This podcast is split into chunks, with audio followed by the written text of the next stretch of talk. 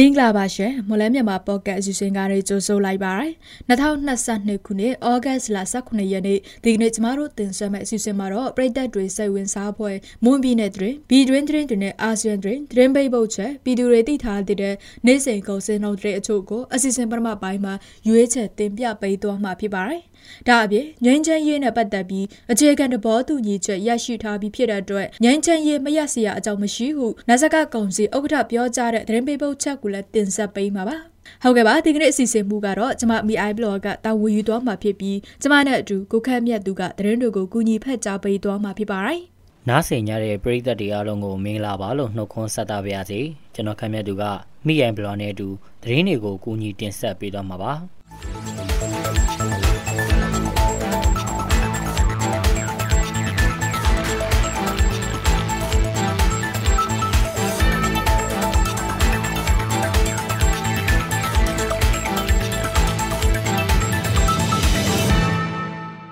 ဒီကနေ့ဘလူးကျွန်းကျေးရွာအုပ်စုကရာကျေးရွာမှာမိုးအဆက်မပြတ်ရွာသွန်းပြီးတောင်ပေါ်မြေပြိုကျကလူနေအိမ်ပျက်စီးမှုဖြစ်ပေါ်နေတာကြောင့်ပြည်သူတွေကိုဘေးလွတ်ရာရွှေ့ပြောင်းခဲ့ရပါတယ်။ကားလမ်းပိုင်းတစ်လျှောက်မှာလည်းရေဖြတ်ကျော်မှုတွေရှိက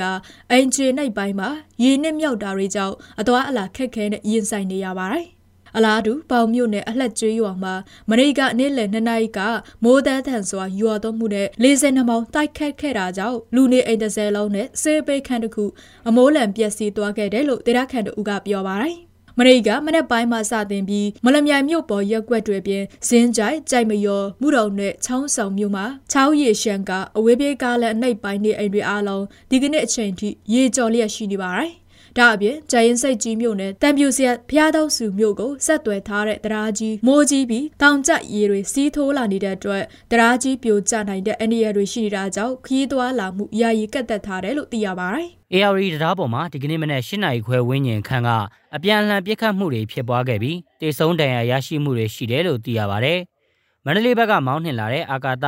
ကတာမန္တလေး expert ရင်ပေါ်ကနေတရားထိတ်က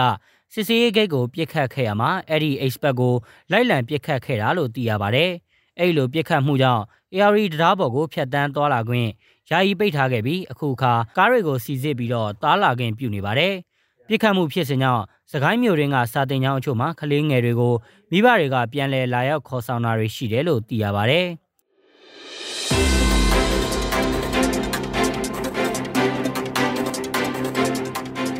ကျွန်တော်တို့ရဲ့မွန်လိုင်းမြန်မာပေါ့ကတ်မြန်မာဘာသာအစီအစဉ်ကိုအားပေးနားတော်တာဆင်ကြတဲ့ပရိသတ်များခင်ဗျာကျွန်တော်တို့အတန်လွဲ့အစီအစဉ်ကနေပြီးတော့ဝန်ပြည်နယ်မှာဖြစ်ပျက်နေတဲ့သတင်းတွေပြည်တွင်းငြိမ်းချမ်းရေးဖြစ်စဉ်တွေအပြင်မြန်မာနိုင်ငံသတင်းနဲ့အာဆီယံသတင်းတွေကိုအပတ်စဉ်တင်လာနေကနေတောက်ကြနေမှာည9:00နာရီအချိန် Moon News Agency Facebook စာမျက်နှာမှာဝင်ရောက်နားဆင်နိုင်ကြလို့မွန်လိုင်းမြန်မာပေါ့ကတ်စာမျက်နှာမှာလည်းဝင်ရောက်နားဆင်နိုင်ပါပြီအားပေးကြတဲ့ပရိသတ်များအားလုံးကိုကျေးဇူးတင်ပါတယ်ခင်ဗျာ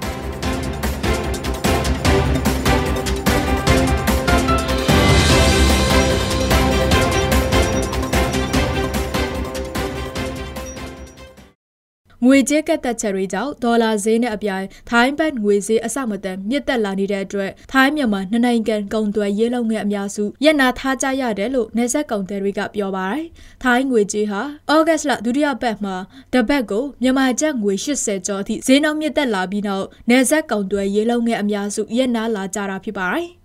လက်ရှိမှာတော့ ထိုင်းဘတ်ငွေဈေးနှုန်းအဆမတန်မြင့်တက်လာတဲ့အတွက်ကုန်သွယ်ရေးလုပ်ငန်းအများစုရပ်နာထားပြီး အခြေအနေစောင့်ကြည့်နေကြတယ်လို့နေဆက်ကုန်သွယ်တို့ကပြောပါတယ်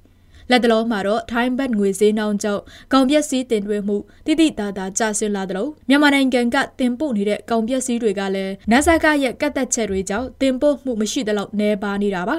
မြန်မာနိုင်ငံဟာမြဝတီနယ်စပ်ကတည်းကထိုင်းနိုင်ငံထဲကိုပြောင်းအပါအဝင်စိုက်ပျိုးရေးထွက်ပစ္စည်းတွေကိုတင်ပို့နေတာဖြစ်ပြီးထိုင်းနိုင်ငံဘက်ကတော့မြန်မာနိုင်ငံတဲကိုအခြေခံစားတောက်ကုန်စေဝါအလှကုန်လူတုံးကုန်ပစ္စည်းနဲ့စောက်လုပ်ရေးသုံးကုန်ကြပစ္စည်းတွေကိုအထက်ကတင်သွင်းနေတာဖြစ်ပါတယ်။ ပြီးခဲ့တဲ့ရက်ပိုင်းကတိုက်ပွဲဖြစ်ပွားခဲ့တဲ့မောင်တော်မြို့နယ်က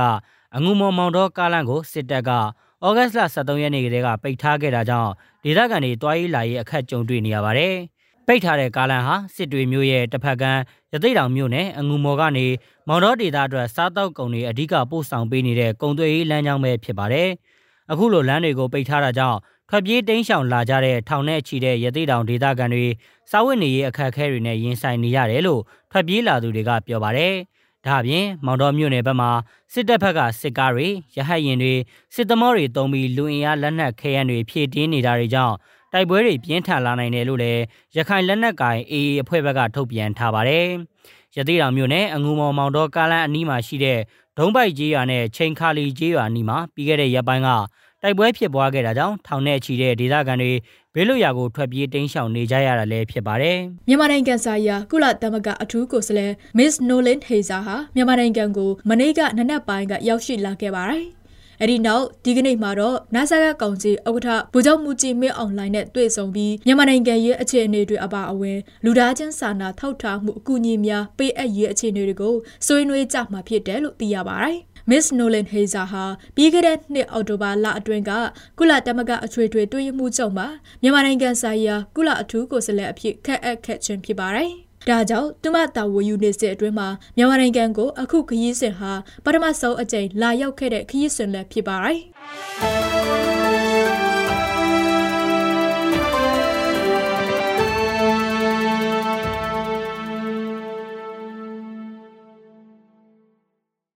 ဆက်လက်ပြီးတော့ပြည်သူတွေသိထားတဲ့နေစဉ်ကုန်စင်တော်တဲ့အချို့ကိုမော်လမြိုင်ကောင်စီတိုင်းကအချက်လက်တွေကိုအခြေခံပြီးကျမကတင်ဆက်ပေးပါဦးမယ်။ဒီကနေ့ထိုင်းနဲ့မြန်မာငွေလဲနှုန်းကတော့ထိုင်းဘတ်89.53ညဝယ်ဈေးရှိပြီးတော့ရောင်းဈေးက83.53ညရှိပါတယ်။ဒေါ်လာဈေးကတော့အမေရိကန်ဒေါ်လာကိုဝယ်ဈေးမြန်မာငွေ2845ရှိပြီးရောင်းဈေးကတော့2885ရှိပါတယ်။ ရွှေစင်းနှုန်းကမီလ16ဘက်ရေတကြက်သားကို26သိန်း6တောင်ရှိနေပြီး15ဘက်ရေတကြက်သားကို24သိန်း9500ရှိပါတယ်။စက်သုံးစီတွေကတော့တီဇယ်တလီတာကို2980ကျပ်အောက်သိန်း92တလီတာကို2390ကျပ်နဲ့95တလီတာကို2485ကျပ်အထိရှိတာပါ။ စံစင်းနှုန်းကတော့အကောင်စားပေါ်စံမွေ108ပေါင်အမြင့်ဆုံးကို6300ကျပ်အလယ်လက်တန်စံမျိုးစားပေါ်ကျွဲသည့်108ပေါင်အနှိပ်ဆုံးကို46,500ကျပ်နဲ့အမထားဆန်တွေကတော့108ပေါင်အနှိပ်ဆုံးကို189,500ကျပ်နဲ့အမြင့်ဆုံးကို41,500ကျပ်ရှိနေပါတယ်။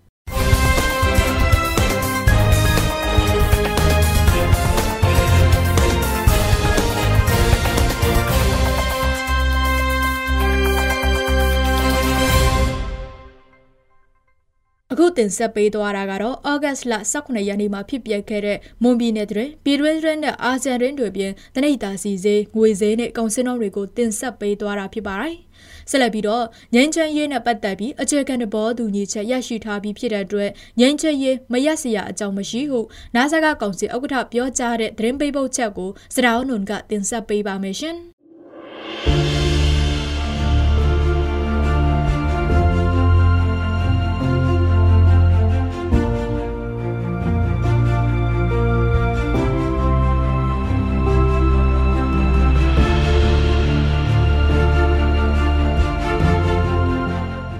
ငင်းချမ်းရေးနဲ့ပတ်သက်ပြီးအခြေခံသဘောတူညီချက်ရရှိထားပြီးဖြစ်တဲ့အတွက်ငင်းချမ်းရေးမရစရာအကြောင်းမရှိဘူးလို့နာဆကဥက္ကဋ္ဌပူကျောင်းမှုကြီးမင်းလှိုင်ကပြောပါတယ်မမေတွင်နေနဲ့နိုင်ငံရေးရည်မှန်းချက်နှစ်ခုထားရှိတာကြောင့်ပါတီဆောင်ဒီမိုကရေစီစနစ်ချီတောင်းရေးနဲ့ဒီမိုကရေစီနဲ့ဖတ်ထရိုက်ပြည်တော်စုတည်ဆောက်ရေးတို့ဖြစ်တယ်လို့နာဆကဥက္ကဋ္ဌကမနေ့ဩဂုတ်16ရက်နေ့မှာပြောကြားခဲ့ပါတယ်။ငင်းငယ်ကိုကျွန်တော်ဟိုလာကျွန်တော်သွားနေတာပေါ့။အဲ့တော့နားလဲတဲ့လူကတော့ငင်းငယ်တွေလာကြတော့နားမလဲလူကတော့လာ ဘေးကနေပြောနေကြတော့ရှိပါသေးတယ်အခု10ဘက်ကျွန်တော်ဆွေးနွေးပြီးသားမိနစ်တနေ့ကပဲကျွန်တော် SSPB ခွက်တယ်ဆွေးနွေးတယ်အဲကျွန်တော်အားလုံးအောင်မြင်ပါတယ်ကျွန်တော်ခုနပြောတဲ့ပါတီတော်ဒီမိုကရေစီစစ်နဲ့ဒီမိုကရေစီအုပ်ချုပ်ရေးနဲ့ဖက်ဒရယ်အာဏာကိုပေးထားတဲ့ပြည်ထောင်စုတည်ဆောက်ရေးခဲလက်ခံနိုင်ပြီတယ်အကိုလက်ခံနိုင်ပြောတယ်ဟိုကျွန်တော်ဒုတိယအကြိမ်ပြန်တွေ့ပါဒီလာထဲမှာကျွန်တော်တွေ့ဖို့ကြိုးစားနေတယ်အဖွဲ့ဆယ်ကွယ်လုံးကိုအဲ့ဒါအုပ်စုဖွဲ့ပြီးတော့ကျွန်တော်တခါဆွေးနွေးမယ်ပြီးရင်စက်တင်ဘာလကြာလို့ရှိရင်တခါသူတို့နဲ့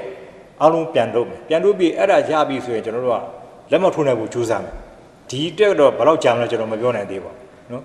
အခြေခံသဘောတူညီချက်ရှိပြီးဖြစ်တဲ့ကြောင့်ကျွန်တော်တို့ဒီနေ့မရတာအကြောင်းမရှိဘူးလို့မြင်ပါတယ်ဒါကိုဘာပြောက်ဟိုဒီ EU တချို့ဖွဲ့တွေနားလည်မှုမရှိနိုင်လဲဆိုကျွန်တော်လည်းမတွေးတော့ဘူး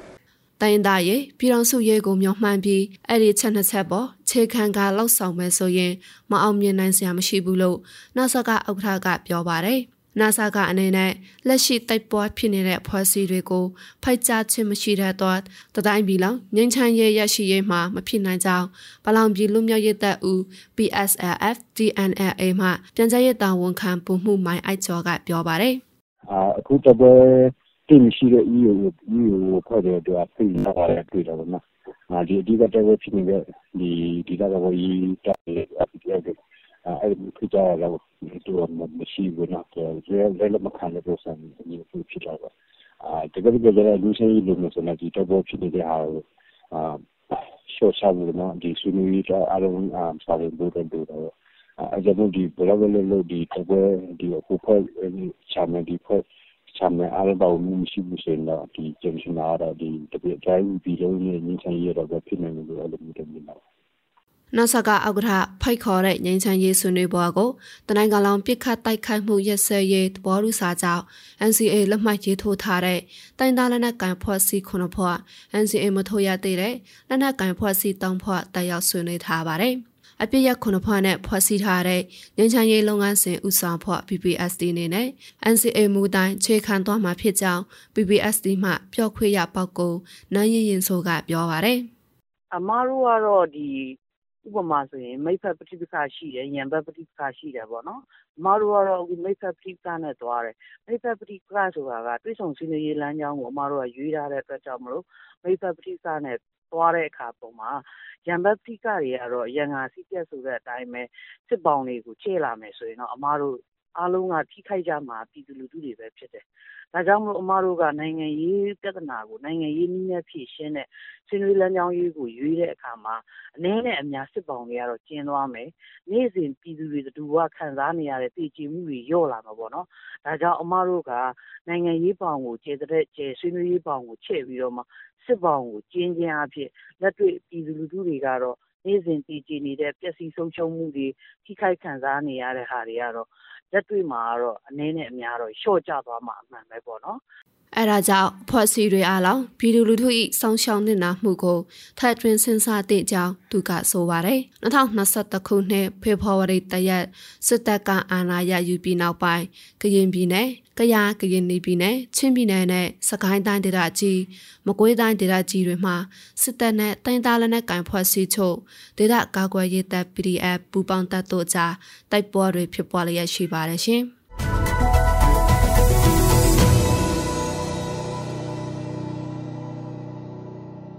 ကျွန်တော်တို့ရဲ့မွန်လန်းမြန်မာပေါ့ကတ်စီစဉ်ဒီမှာရင်ပြီးဆုံးပါပြီ။နောက်ဆက်ရတဲ့ပရိသတ်တွေအားလုံးကိုနောက်နေ့အစီအစဉ်တွေမှာဆက်လက်အားပေးကြပါအောင်လို့ဖိတ်ခေါ်ရင်းအစီအစဉ်ကိုအဆုံးသတ်ပါရစေ။အားလုံးကိုကျေးဇူးတင်ပါတယ်ခင်ဗျာ။